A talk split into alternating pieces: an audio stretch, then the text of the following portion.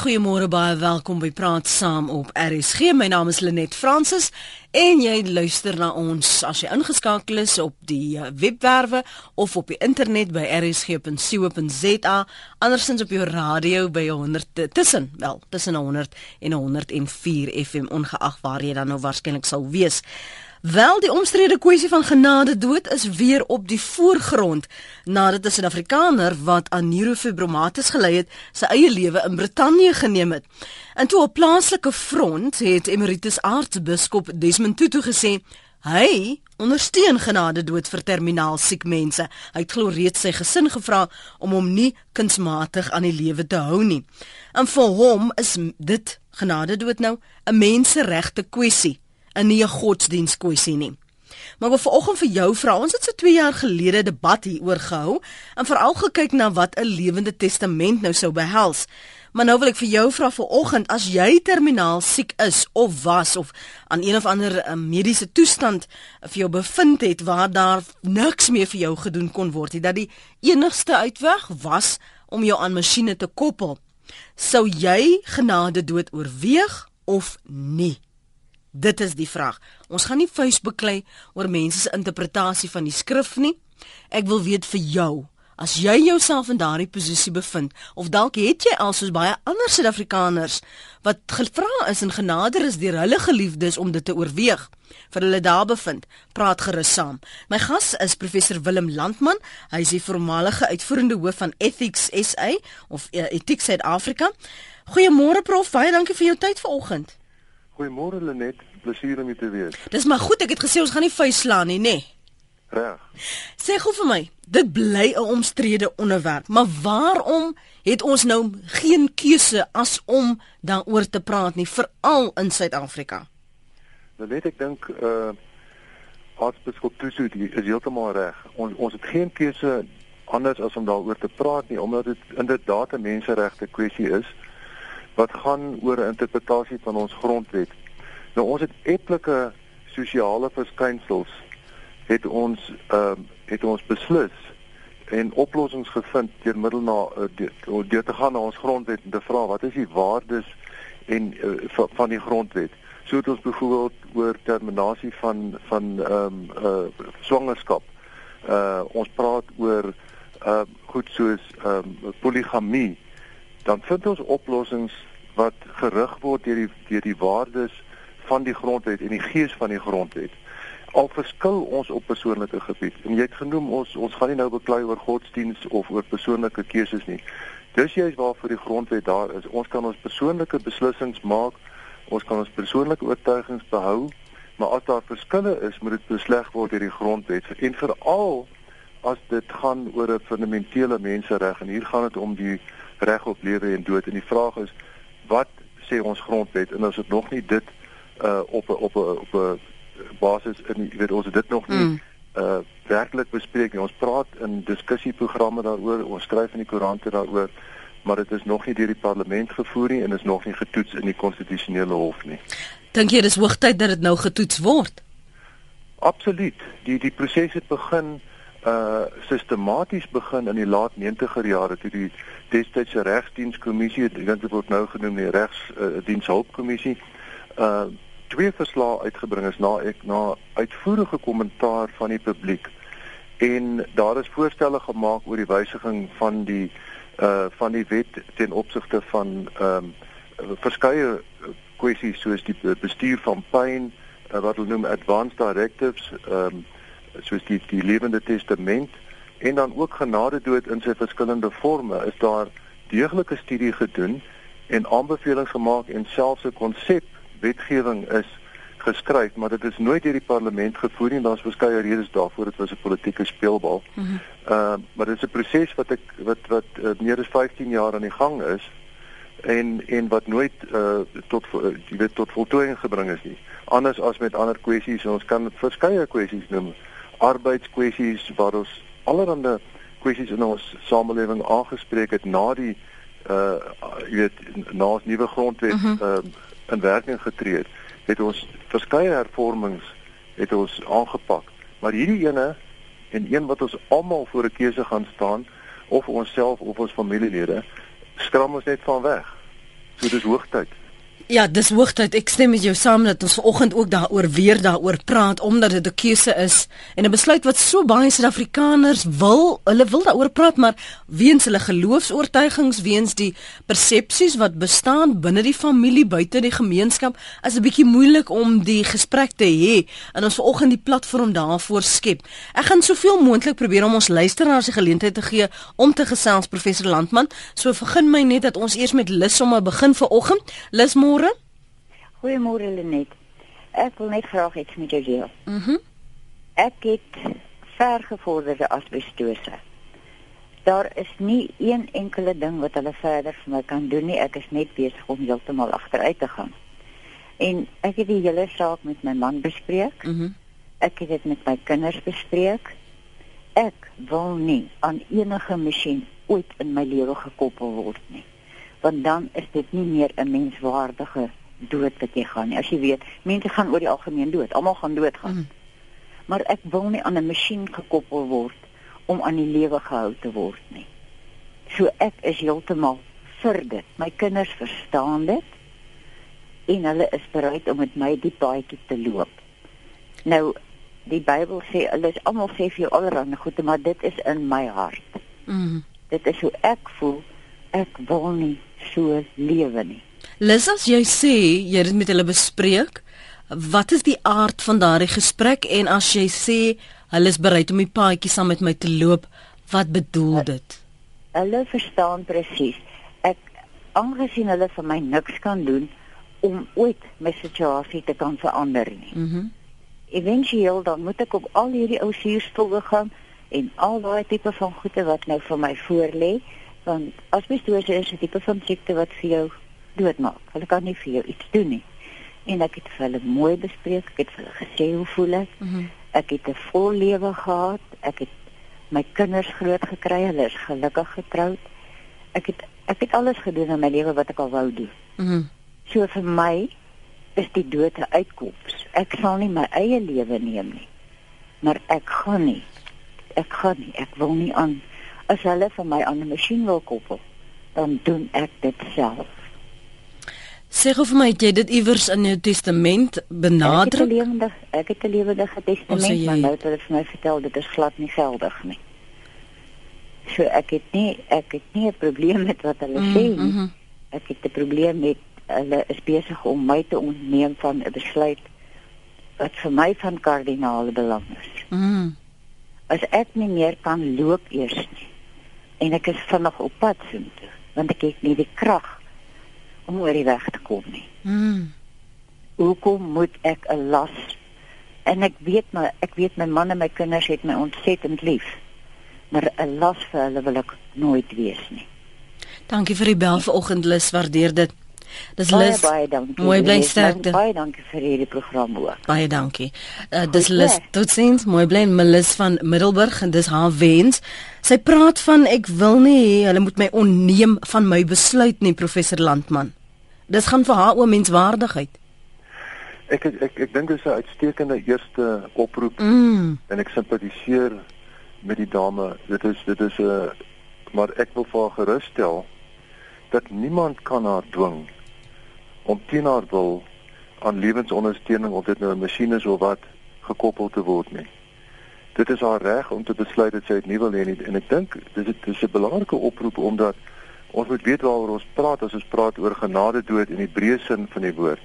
As ons hier praat oor weerhouding van lewensondersteuning of onttrekking as dit reeds begin het en die persoon is bevoeg om daai besluit te neem en dit 'n vrye wil en neem dit neem die besluit op eh, in terme van haar van haar eie waardes kan niemand haar dwing nie net soos ons nie gedwing kan word om enige pil te neem of enige behandeling te kry nie kan dit ook wanneer die die einde van die lewe op op die spel is nie op ons afgedwing word nie. Dit is ons eie keuse. So die een kategorie waaroor ons praat en die eerste een waaroor ons moet praat as ons praat oor genade toe is, is weerhouding of onttrekking van lewensondersteuning. Mm en daar het ons 'n reg om te besluit nou natuurlik ons bewussyn verloor en ons vermoë om 'n besluit te neem maar daar is juist daarom dat ons vir ons uh, vir ons huisdokter of of 'n uh, spesialis en veral vir ons familie sê wat ons wense is sodat ons nie gekoppel word aan masjiene uh, indien sekere omstandighede die geval is en ons besluit ons wil dit nie hê nie.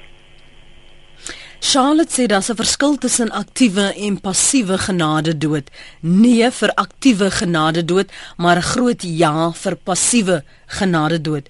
Wat is die verskil?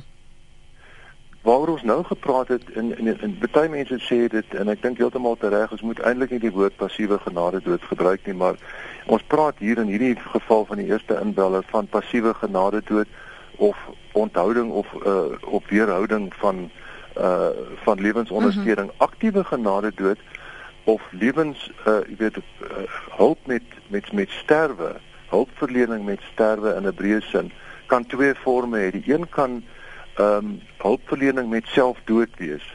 En met ander woorde ek wil nie meer leef nie. Uh, ek wil 'n einde bring aan my lewe maar ek het ondersteuning nodig op een of ander manier byvoorbeeld die middele om uh om om om my lewe my lewe tot 'n tot 'n einde te bring. En daarvoor het ek iemand se hulp nodig. So dis ondersteuning wat ek van iemand moet kry. Kan ek skuis tog vra, is dit die geval van uh professor Sean Davis byvoorbeeld? Sou dit kwalifiseer as hulpverlening? Ja, kyk. As die persoon die laaste handeling wat tot die dood aanleiding gee, as daardie persoon self die die pille sluk om nou net 'n voorbeeld te mhm. noem, die die oordose sluk of self die inspuiting gee, dan is dit ehm um, hulpverlening by selfdood. Ehm um, as die persoon tot sterwe kom omdat iemand anders die die handeling pleeg, met ander woorde inspuiting gee, dan is dit aktiewe willekeurige aktiewe genade dood. So dit gaan daaroor dat die die, die uiteinde is die dood, maar wie pleeg die laaste daad wat aanleiding gee tot die dood? Is dit jouself of is dit iemand anders? En dit is die verskil tussen wat die Engelse noem physician assisted suicide of net assisted suicide, jy nou maar dit is die familie wat help en voluntary active euthanasia. En ek sê maar in 'n een geval tel ek self die pil op en ek sluk dit. Mm -hmm. En in die tweede geval gee iemand vir my 'n inspuiting. En maar in beide gevalle is die die absolute vereiste dat dit my keuse moet wees. Niemand dwing dit op my af nie natuurlik doen die siekte in in in en lyding dit in 'n sekere sin op my af, maar dit is hmm. my keuse. Niemand word uh gedwing om een van hierdie keuses te maak. Dit moet 'n vrye keuse wees. Anoniem op Klerksdorp, praat gerus saam. Goeiemôre. Môre. Goeiemôre. Môre, ons praat uh, ons luister gerus asseblief. Ek meen praat jy. Ja, ek kan jou hoor. Ek luister. Net 'n vroeg amper 'n man van 67. Ja. In 1978 wat my oorlede pa as bestuursleier. Het dan bestuurs gehad. Ek het miskien gekop uitgebore in hospitaal en alles. Mhm. Mm en dis praat ek nog met my dokter. Ek kon nie ek kon nie meer sien lei nie. Wat gaan my dokter? Ek het lank my dokter self. Die ander kom die dokter by my oorlede pa. Toe ons so kan sê vir my skuld is ek op by sê dis verby met hom. Dit is 'n kwessie van tyd. Ons weet hoe lank nie. Toe gee my 'n spuiting. En ek sê vir ek sê nie 110 nie, ek sê 1000 1010% vir die genade dood. En vinniger ons regering en die mense dit besef, hoe makliker gaan dit wees vir ons mense. Ja. Anoniem, baie dankie vir die saamgesels. Fred van Klerksdorp, ek wens jy wil inbel sodat ons kan hoor wat die omstandighede is. Fred skryf hier: Ek was een keer daardeur, nie weer nie. Goed en wel, ek het weer 'n bestaan gemaak, maar hel nee, nie weer nie. Die pad van herstel was langer as wat ek voel die moeite werd was. Het nog elke dag pyn en lewe maar op pille. Los my liewers dat ek in grasie kan gaan. Ah, nou verstaan ek wat jy bedoel. Jy was op daai drempel. Um en hulle het jou waarskynlik gered en gehelp en, en dis wat jy bedoel. Jy leef nou 'n lewe van pyn. Dis Fred se ervaring ons vra vir oggend en ons praat oor genade dood. Is dit 'n menseregte kwessie en nie 'n godsdiens kwessie nie? Stem jy saam? Dit is die mening van 'n aartsbiskop Emeritus Aartsbiskop Desmond Tutu. My gas sê ook hy dink ook so. Professor Willem Landman, voormalige uitvoerende hoof van Ethics SA, vat hom vas take hold tweet waarom alles doen in jou mag doen om terminaal siekes aan die lewe te hou um, en selfsugtige mense is sy hits Anna Marie tweet: Moenie my kunsmatig aan die lewe probeer hou nie, moenie eers probeer bid dat ek bly leef nie. Ek vra as jy terminaal siek is of uh, jouself in 'n mediese toestand bevind waar daar niks meer vir jou gedoen kan word nie, sal jy genade dood oorweeg of nie? En sal jy uitreik en het jy dalk al hierdie gesprek gehad en wat was die reaksie? En hoekom was dit vir jou nodig? Hoekom is dit die besluit wat vir jou belangrik is? Gaan dit oor godsdiens vir jou? Gaan dit oor menseregte, kwessie jou regte? Eh, Liz het vanoggend gesê sy wil hê enige een moet haar ontneem van haar besluit nie. 0891104553 0891104553 rsg.co.za Jou SMS'e kan jy stuur na 3343. Elke SMS kos jou R1.50 en jy kan my ook volg en tweet by Lenet Francis 1. Dis die syfer. Louise in Pretoria, môre. Hallo. Ja, ons luister na jou. Uh, goed. Ek wil net die stelling maak dat ek het 'n lewenstestament as gevolg van my suster se siekte het ons besluit dat dit die beste is. My kinders is almal tevrede daarmee. En dit was vir ons baie moeilik, maar dit was ook vir ons 'n groot verligting toe die dokter vir ons gevra het ons moet besluit wat hulle vir haar kan doen want hulle kon absoluut niks niks niks meer doen nie. Mm. En ons het besluit en ons het die dokter het daar baie menswaardig die masjiene een vir een afgeskakel en dit was vir ons 'n genade geweest om van daai pyn en lyding te sien dat sy verlos is. En en en daaroor het ons ook besluit dat ek my kinders ons is almal gelukkig dat ek ook daai paadjie gaan loop. Was dit 'n maklike besluit vir jou omdat jy gesien het hoe jou Ja. suster was dit vir jou maklike besluit veral omdat jy gesien het Ja. hoe jou sussie Dit was lui? baie maklik vir my om net te besluit Mm. sien dit dat ek my suster sien ly. Mm. Ja, sy was 'n weduwee alleen geweest en niemand anders nie. Sy sou vir die res van haar lewe in die hospitaal aan masjiene gekoppel moes gewees het. Maar Louise, wat nou van die in die geval waar dit een van jou kinders is en hulle is nog nie terminaal siek nie, maar nou is daar so 'n noodlottige ongeluk en hulle is byvoorbeeld in 'n koma en die dokters is onseker oor wat hulle gaan doen op die oomblik.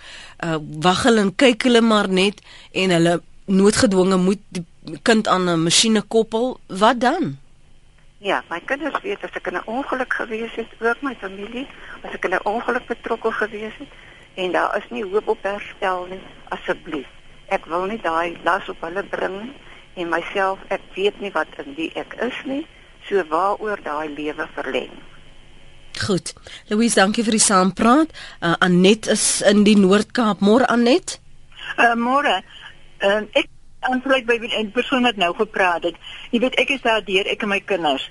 My man was in 'n uh, in die, in die platteland in in so 'n ongeluk. Mm -hmm. Hulle het hom uh, gestabiliseer en toe uitgevlees Kimberley toe. En daar het hulle hom onmiddellik op masjiene gesit en eerste ding toe ek jou uh, instap, toe sê die dokter vir my, die spesialis, mevrou daar is nie 'n kans dat hy gaan lewe nie.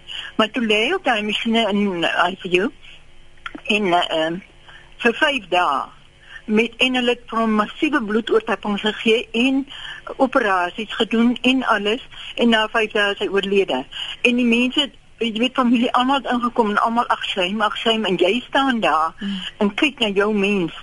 En, en jy weet en nou noem hulle dit genade dood. Dis nie genade dood nie. Die familie moet dan nie besluit neem om daai masjien af te sit. Mm. En en dit is wreed. Vir alles hulle weet daar is nie kans nie. Mm. Weet jy So, so so wat doen hulle in so 'n geval? Hoe kan hulle sê dis genade dood? En dan agternaam die familie daarmee leef. Van die masjiene wat jy moet afsit. kan kan ek jou vra? Hulle het vir jou gesê daar is 'n kans. Mm. En dit kos ter duisende rande vir, wie ook al dan 'n mediese fondse wat ek kan. Mm -hmm.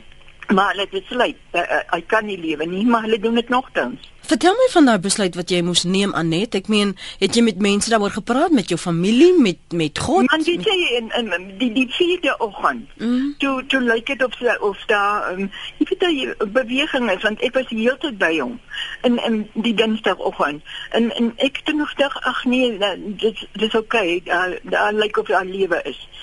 En um, die woensdagoggend sê sy toe bel my seun my gelukkig is hy toe nou daar. Hy's 'n intern toe nou sy sê sy ja medies. En hy uh, bel my sê maak hom haag of jy hulle sê daar was 'n terugslag. En ek maar wel maak klaar en ek gaan toe na hospitaal toe. En saam met hom en eh, en toe sê kom self my nee dit is verby. En weet jy en, en ek sê vir die ehm um, ou professor ek sê vir my kan nie weet jy? Nou ja we gaan nog gister beter. En ek sê vir hom ek sê ons moet nou besluit oor die masjien. Toe sê ek maar nee hoe moet ek so besluit neem wat weet ek as leek hmm. toe sê vir my maar dit is nie sommer net dat uh, daar moet drie uh, dokters moet af, uh, onafhanklik mhm. besluit mm. voor die masjiene kan afgezet. Ons moet sit en wag tot 1 uur mm. voor die drie dokters gaan besluit dat uh, uh, ja, nee wat die, hy is breindood. Jy verstaan? Mm -hmm. Toe moet toe moet ek my sien ingaan en die ander kinders het uh, toe nou opgekom van ver af. En, en ons het ek het hulle gebel en gesê ons dis nou wat wat die dokter sê en toe het hulle nou gekom. En en dit nie tussentyd. En toe moet ek nou daar gaan en ek nou masjien afsit of of hulle sê nie sleg. Ja. En maar maar hy sien toe nou, jy weet geluk en toe my broer kan ook nie net gekom vir ondersteuning. En uh, die professor sê vir my want hy sien toe net ek is glad gelukkig met die storie nie en hy bring toe nou vir my 'n scan wat hulle geneem het. Mm. Uh, iets soos 24 fotootjies van die brein. Mm jy weet hoe hoe dit aan die begin toe die swelsel sak dat die dat die brein weer vol bloed vloei. Ja. En die hele laaste fotootjie is van 'n pak swart en my seun sê vir my mamma, dit is verby. Toe verstaan ek. Ja. Maar nog agterna, jy weet smoeilik. Ja. Ja, ek ek kan hoor jy onthou dit asof dit nog gister was want jy mm. daardie besluit moes neem aan net. Baie dankie vir jou moed want ek dink daar's tog ander mense wat nie noodwendig dit so kan uitdruk soos jy nie. So ek weet dit vat baie om dit op lig te deel met duisende onbekende mense. Ja, maar ek sien dit is kom ek ek het vir my kinders gesê as ek terminaal siek is, geen flip masjien aan my nie.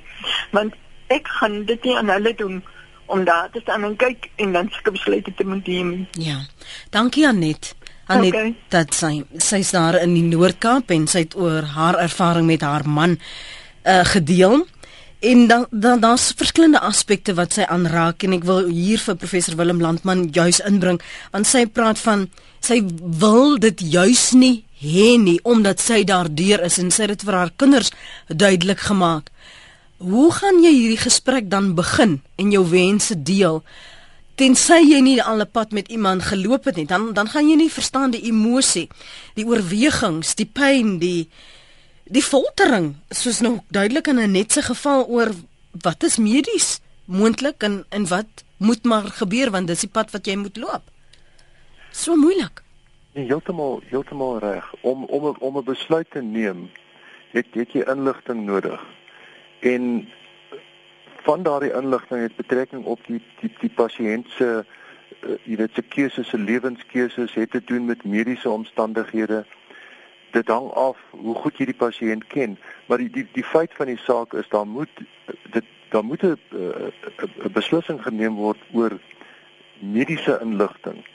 Uh wat is die wat is die mediese toestand? Wat is die kanse vir herstel? Is is daar breindood? Is dit is dit onomkeerbaar?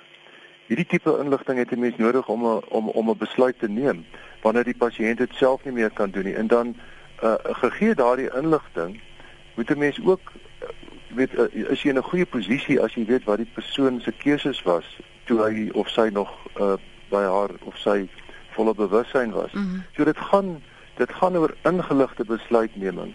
Dit is 'n moeilike ding want dit is nie net feite nie. Dit is emosies. Dit is jy te pad met iemand geloop. Jy moet die hele prentjie saamstel. Ehm um, en en en jy weet dis dis dis wonderlik dat Anet dit met ons ons gedeel het om 'n masjien af te sit moet jy daardie inligting hê en jy moet namens iemand besluit want daardie persoon kan nie op daardie stadium die, bes, die besluit neem nie. En dit is miskien 'n keuse wat ons nie wil maak nie want ons wil nie in daai posisie wees nie, maar ongelukkig is ons by tye in die lewe in situasies waar ons nie kan weghardloop nie. Ons moet dit ons moet dit neem hoe erg dit ook al is. Maar ons moet dit neem op die basis van ehm um, van van inligting wat ons het. Lenet vir my is genade dood 'n menslike manier Ek wil net sê wat die dokters doen om vir jou vol morfine te pomp en jou stadig te vergiftig is baie erg. Dis Violet se SMS daardie. Um, om aan 'n masjien gekoppel te word, verleng net jou lyding, nie jou lewe nie. Dis 'n anonieme luisteraar en dan skryf ander een, die dame wat nou van Middelburg gepraat het oor haar wil Uh, sy het namens my ook gepraat. Ek voel net so daaroor sê Dirkie. Johan Obs tweet ongelukkig het godsdiens 'n arrogansie geskep dat baie gelowiges glo godsdiens is verhewe bo menseregte. Stefan van Aswegen of Steven, partymal is dit 'n beter uitweg want daardie persoon se pyn is erger as wat besef word en weet nie wat om hulle aangaan nie. En dan is daar 'n tweet van Chantel Olivier wat sê vir my is dit 'n godsdienskwessie. Moenie God probeer speel oor mense se lewens nie. Dankie vir die aanhou anoniem in Pretoria. Praat gerus. Hallo. Ehm um, ek kon ongelukkig nou nie hoor nie. Jy het weggegaan net toe jy gesê het met wie wil jy praat nou? Ek praat nou met jou. O, goed.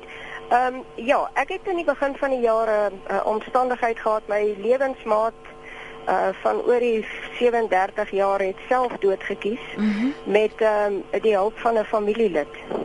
En ehm um, ongelukkig hulle wou albei saam selfdood doen, maar die een persoon het uh die familielid het oorleef. Ehm um, op daardie oomblik wat ek hulle gevind het, het ek gewonder uh wat moet nou gebeur. Mm. Uh want sy het toe nou nog gelewe. Sy's toe hospitaal toe want die paramedici het toe vir my gesê daar is niks. Hulle moet haar hospitaal toe vat en hulle moet haar resusciteer ensovoorts. Ehm um, dit is 'n baie moeilike omstandigheid ek dink veral vir die familie dan agterna. Uh, en ook die persoon wat dan agterbly, ehm um, die persoon wat wat geassisteer het. Maar dat dit wel die persoon se se verwagting was dat dit die persoon het gevra daarvoor. Mm ehm um, het dit vir ons ons weet dit. Ehm um, sy was baie baie jare 40 jaar in 'n rolstoel.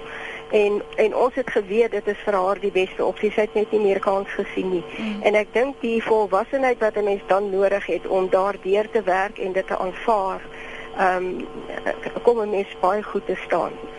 Um, ja, kan, dit is al wat ek wil. Kan ek gou vir jou vinnig vra ja. omdat jy sê sy het 'n familielid gevra om haar te help. Ja. Wat en hoe sou jy dit hanteer as sy jou gevra het? Ek ehm um, ek sy sou my nie gevra het nie want sy het geweet hoe lief ek vir haar. ek dink ehm um, ek dink die familielid uh, was miskien ook op daardie stadium in 'n depressiewe fase en ek dink die twee saam met 'n sterk span gemaak toe hulle nou besluit het. Uh, was daar hierdie addisionele energie om dit wel te doen en klaar te maak. Maar ehm um, sy sou my nie gevra het nie. Ons het wel 'n ooreenkoms gehad mm -hmm. dat as met enige een van ons iets gebeur en ons is ernstig beseer of besig om dood te gaan, sou sy by die huis doodgaan. Dit is wat sy gevra het en ek sou haar huis toe gebring het selfs al sou sy op pad huis toe uh miskien gesterf het. Uh en ek het dieselfde gevra en sy het altyd gesê ja nee, ek moet nie bekommerd wees nie, sy sal my uh my buise met haar rolstoel haak en dan sal sy net uit die kamer uitry. so ons het ons het ook besluit dat ons as 'n mens in sulke omstandighede kom, mm. dat ons mekaar sal help om nie uh daar te lê in 'n in 'n vegetatiewe staat nie. Hoe begin 'n mens hierdie gesprek met jou geliefdes? Uh Ek dink as 'n mens realisties is, dan is dit nie moeilik nie. As 'n mens besef dat die lewe is daar, jy het 'n vol lewe gehad en dan dink ek is dit makliker. Ons moet in elk geval soos wat hulle gesê het, ons moet in almal leer om oor die dood te praat en wat ons wil hê en ek het ook al met 'n menige kliënte gewerk wat ook ehm um, progressiewe toestande gehad het en waar mense sulke besluite moes neem. En ek dink die realisme van die van die omstandigheid is wat dit vir 'n mens moontlik maak. Ja. Anoniem baie dankie vir die deel vanoggend. Dis 'n groot plesier. Dis anoniem in Pretoria, Rina in Bloemfontein hou ook aan. Rina, ons luister. Rina. Hallo. Ons luister na jou. Is dit Lenet? Dit is ek ja. Ja, ek kan nou nie so lekker hoor nie. Skus man. Uh, ek het aan baie na jou geluister en nog nooit gepraat nie. Ek is in in 'n siekeboeg in 'n ou huis mm -hmm. en ek uh, behoort aan die living world, so uh, ek wil nie op masjiene wees nie. Mm -hmm. En ek het my liggaam geskenk vir die ehm um, uh, universiteit vir navorsing. Ja. As ek normaal sterf, is jy nog daar? Ek is hier, ek luister na jou. En uh uh My ouers het albei 81 geword en ek het gesê ek wil nie 80 word nie en ek is nou 83 en 'n half. en ek is in die siekeboeg, ek kan nie loop nie en ek het ek het baie kwale, buiten Parkinson, nog baie ander kwale en groot operasies gehad. Maar ek het vanoggend nog my bed opgemaak en myself gewas en aangetrek. Rina, hoekom was dit vir jou vir vanoggend belangrik om in te bel na die program toe? O, hulle raas nou hier met 'n kostrollie. Kon jy my hoor? Skus? Kan jy my daarom hoor? Ja, nou kan ek jou hoor. Hoekom was dit vir jou vanoggend belangrik om in te bel? Sommer om ook te sê ek ek uh, hoor baie goed en ek wil baie graag uh, praat nou kom ek so ver nie. Mm. En uh, uh, om net te sê dat uh, uh, ek wil nie uh, enige machine wees nie. En uh, en dan uh, die gaan vir die universiteit gegee. En weet die weet die mense daar daar by die ouete huis dat dit in die, in die siekeboeg veral dat jy 'n lewende testament het. Ek dink so, ek dink dit is opgeskryf en dan my do oudste dogter bly naby sy kom sien my elke dag Mm. en sy weet alles. Baie dankie vir die saampraat vanoggend Rina en welkom by RSG. Ja, jy het gehoor ek is uh, oor die 83 al nee. Ek het gehoor ja en, ek waardeer die moeite om op te staan, bed op te maak en nog in te bel. Ja. Mooi dag. hoor, gaan. ziens. Kom ek lees van die SMS intussen. Ek is ook ten volle 'n voorstander van die genadedot, ondersteun professor en eh, Desmond Tutu ten volle, dis Kobus in die strand. Nog 'n luisteraar se les van seil in Centurion skryf: Die pyn van familie wat moet staan en kyk hoe die geliefde aan masjiene agteruitgaan is erger as om 'n besluit te neem. Ek sou nie my lewe so beleef nie. Dan skryf Ansie Sit langs jou kind se bed na 'n motorongeluk vir 20 dae aan masjiene. Sy was 19. Dis hel. Sy het nie 'n kwaliteit lewe nie, net pille en operasies. Sy verwyd my vandag nog dat ons nie die masjiene afgesit het nie. Dis Ansie se ervaring by 3343. Dit kos haar R1.50. Jy luister wat ons luisteraar sê vir oggend professor jy het net nou verwys na dit moet 'n keuse wees. Verduidelik net weer vir diegene wat dalk later ingeskakel het dat familie nie sommer kan ingryp en self besluit nie dat die persoon self daardie besluit moet maak en van daar optrede. Heeltemal reg, Lenet. Wanneer ons oor hierdie hele kwessie praat, is daar sekere onder, ononderhandelbare aspekte wat ons in ag moet neem. En die eerste is dat dit 'n persoon wie se lewe op die spel is, se keuse moet wees. Dit word nie op iemand afgedwing nie. Dan praat ons as as as dit as dit verby mense se vrye keuse gaan, dan kom ons by die nazi tipe die Hitler tipe uh, genade dood waar daar van genade dood gepraat word uh, in die konteks van mense wie se lewens nie die werd is om te lewe nie soos soos Jode en en mense wat met gebreke ge, gebore is. Ons praat glad nie daarvan nie. Ons praat van 'n persoon wat kompetent is, wat bevoeg is om 'n besluit te neem en wat 'n vrye keuse maak om 'n uh, lewe te verkort onder spesifieke omstandighede. Omstandighede soos terminale siekte of ondraaglike en onomkeerbare lyding. So hierdie aspekte moet altyd in weet in die gesprek ingebring word dat dit 'n vrye keuse moet wees dat die persoon is kompetent om te besluit en niemand anders besluit vir daai persoon nie. Natuurlik maak ons besluite in oorleg met die mense wat die naaste is ons is. Ons toets ons besluite. Ons ons ons put uit hulle ervaring en uit hulle liefde maar niemand genade dit gaan nie daaroor dat iets aan jou gedoen word waarvoor jy bang is dat iets aan jou gedoen word of dat ander dit aan jou sal doen nie. Hmm. Die Britse hoorhuis gaan nou hierdie komende Vrydag die wetsontwerp oor genade dood um, bespreek is nou alreeds die tweede keer. Waar word dit beoefen? Waar is dit wetgewing? Want ek lees die kommentare uh um na aanleiding van wat uh, Emeritus Aartsbiskop Desmond Tutu gesê het en baie is van mening dat net die feit dat hy dit ondersteun en, en dat ons daaroor praat moontlik kan lei tot die wettiging selfs hier in Suid-Afrika dat dit die wettiging van genade dood kan versnel. Dit net om jou jou laaste punt aan te aan te pas aan te vat. Ek ek hoop uh, Desmond Tutu se toetrede tot die gesprek help om die gesprek tot 'n punt toe te bring. Mm. Want op een of ander manier moet dit tot 'n punt gebring word. En ek dink daar's daar's 'n daar's 'n paar alternatiewe of die konsep wetgewing van die Regsdienskommissie wat teruggaan tot 1998 moet voor die parlement dien as 'n as 'n dokument waar ons aan kan verander maar waarom ons moet praat. Net soos ons met ander kwessies in die parlement Mm. mm. gepraat het. Of dan moet 'n toetsaak kom dat 'n dokter byvoorbeeld 'n Ja. pasiënt help om te sterf. Dit is in ons gemeenereg onwettig om dit te doen en dan word daar die uh, uh, kom daar 'n sak, 'n saak wat voor die howe kom en uiteindelik in die in die konstitusionele hof uh, getoets kan word want ons weet uh genade dood soos ons hieroor praat. Ek praat nie van onttrekking van masjiene nie, maar hulpverlening by sterwe, aktiewe hulpverlening is onwettig in ons gemeenereg. Maar die die die die die die die, die wetbank, die regsbank uh is onwillig om mense te straf. Dis nie moord in die gewone sin van die woord nie.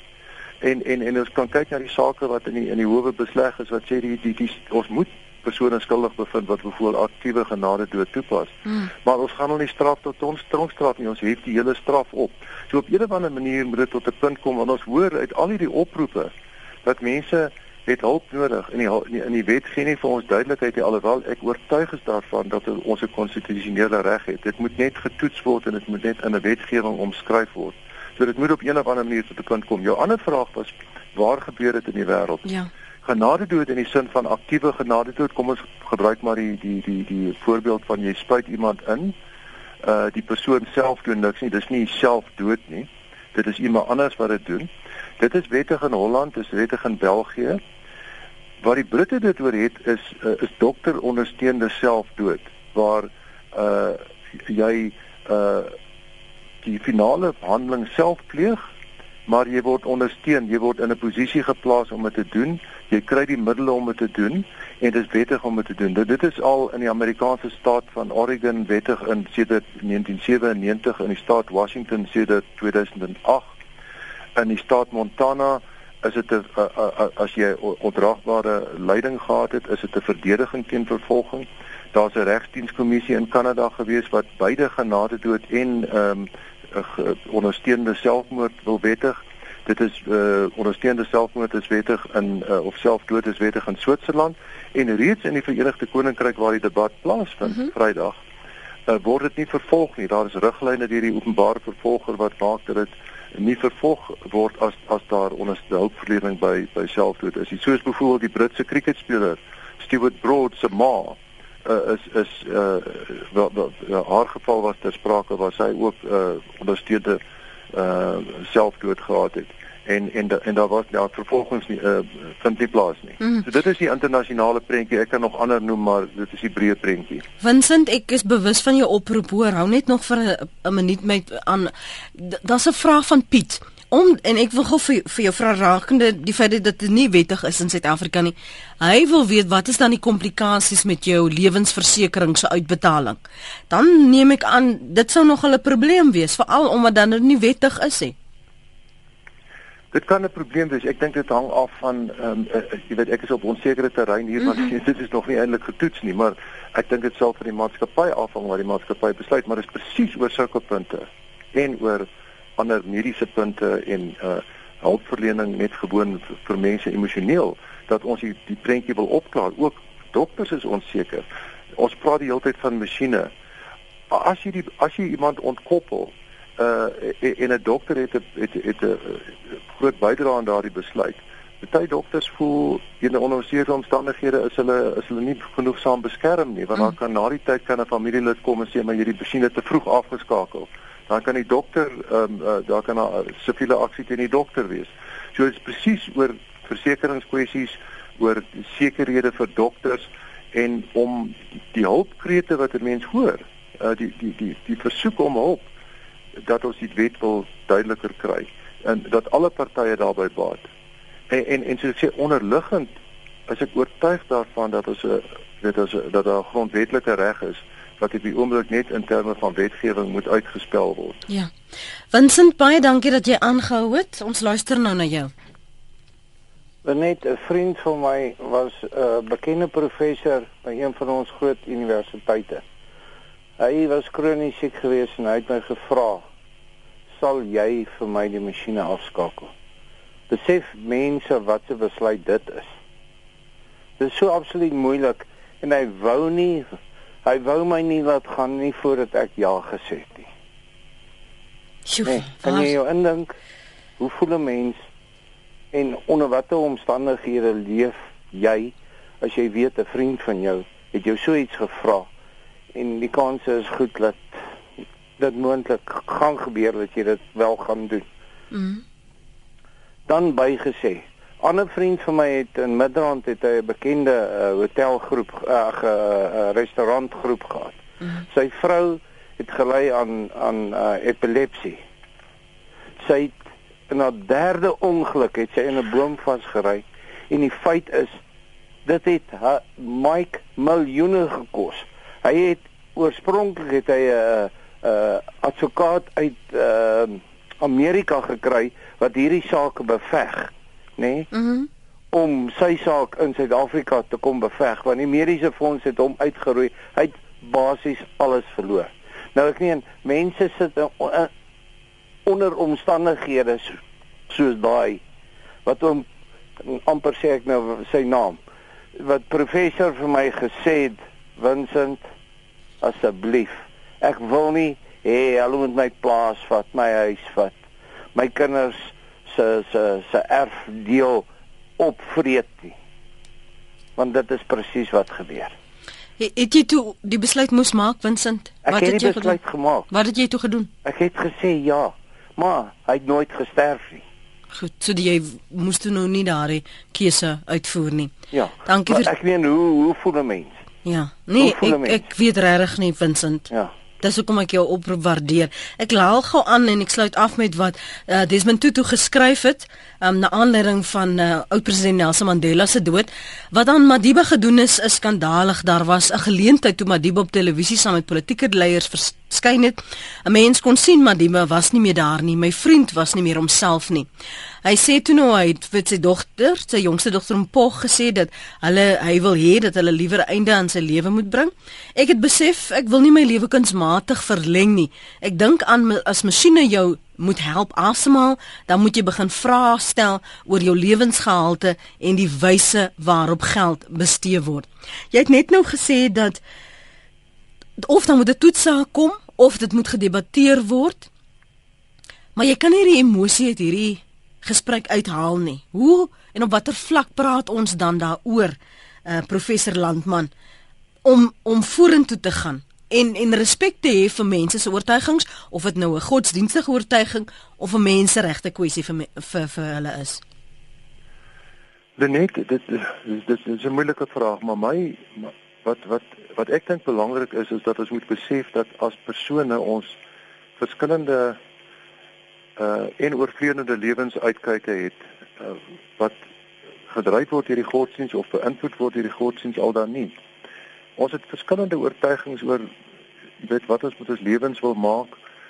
Uh ons het in ons land verskillende oortuigings byvoorbeeld oor die beëindiging van swangerskap, uh oor poligamie, uh en en en ook oor genade dood. Nou hoe be, hoe besleg 'n mens dit? ehm um, ek kan 'n keuse uitoefen om nie uh, weet om om om nie twee vroue te vat nie hmm. of om nie ehm um, uh, swangerskap te beëindig nie of om te kies vir uh genade dood wat dit ook al is. Dit is dit is my eie keuse, maar ander mense mag verskillende keuses maak. Nou hoe besleg 'n mens dit? Die grondwet gee vir ons sekere waardes. En ons sal moet 'n 'n paadjie loop waar ons sê in hierdie geval van genade dood het ons nog nie daardie paadjie geloop nie. En ons moet al is daar geweldige emosie by betrokke, dit is juis daarom dat ons dit moet ehm um, dit bespreek want ons hoor nou net van 'n vorige inbeller wat praat oor die oor die vrees waarin iemand leef. Die die hulp wat mense nodig het, dat hulle bang is om dat hulle alleen gaan sterf, dat hulle versaak gaan word uh, uh, in hulle grootste nood in hulle lewe en dit is onnodig. Dit moet daarop daarop moet daar moet duidelikheid daaroor wees. Mm -hmm. En dis juist wat gebeur het in die staat van Washington, as ek miskien net die die ehm uh voorbeeld kan noem of Oregon liewer wat verder terug gaan, jy weet meer as 15 jaar. Mhm. Ehm um, toe dit gewettig is het uh dokter ondersteunde uh selfdood gewettig is het verskeie mense deur die proses gegaan dat jy met sekere stappe neem en dan word dit goedgekeur dat indien jy in 'n sekere toestand is, kan jy daarop beroep en sal mense jou ondersteun as jy nie versaak word in jou in in in die laaste deel van jou lewe nie. Mense lewe langer en baie baie van daardie mense, die grootste persentasie van hulle, ehm um, sterf sonder dat hulle daardie by daardie punt kom en sê ek het dit nou nodig, want hulle leef die vrees is weg. Mm -hmm. Hulle voel hulle het groter gemoedsrus en dit is dit is 'n baie belangrike element. Daar's ander uh, voorbeelde wat Desmond Tutu ook aanraak waar dit gebeur het in Amerika in 'n in 'n in 'n sekere staat in Amerika. Ja. Die die getuienis wat ons het dat as jy weet jy sal nie tot jy uh, weet alleen wees in jou pyn en lyding nie dat jy gehelp sal word. Help juis om mense langer te laat leef en en en sonder vrees te leef, maar met die met die wete dat as hulle werklik in daardie ontsettende omstandighede kom waar hulle dit nodig het, mense hulle sal help. Baie dankie aan professor Willem Landman, voormalige uitvoerende hoof van Ethics SA vir jou tyd vanoggend hier op praat saam. As jy na die program weer wil luister, gaan maak 'n draai op ons webblad rsg.co.za. Kom ek lees van hierdie e-posse. Ek wil dit nie net so laat gaan nie. Hierdie Weideman skryf: Ek sou graag wil inbel, maar deur net na die program te luister is ek in trane. My dogter was ook op masjiene, sy was terminaal siek en het selfs vir die dokter en vir ons gesê sy kan nie meer nie en wil gaan. Haar longkapasiteit was 15% en moes hulle haar op masjiene sit. Sy het ons gegroet en gaan lê dat die dokter haar aan die masjiene koppel. Na 4 dae het die dokter ons ingelig haar toestand het nog verder versleg en ons het toestemming gegee dat hulle die masjiene kan afskakel. Die dokter het dit baie goed hanteer deur haar baie morfine te spuit, so sy het nie eers geweet sy gaan dood nie. Ons was die hele tyd by haar en het haar eh, besluit gerespekteer. Al was en is dit vir ons baie swaar as 'n lyding en versmoringsdood haar gespaar. Ek is heeltemal ten gunste van genade dood, skryf Hetty Weideman. 'n uh, Lot Grossman van Benoni ons tree baie vinnig op wanneer ons diertjies erge pyn ervaar of ongeneeslik siek word.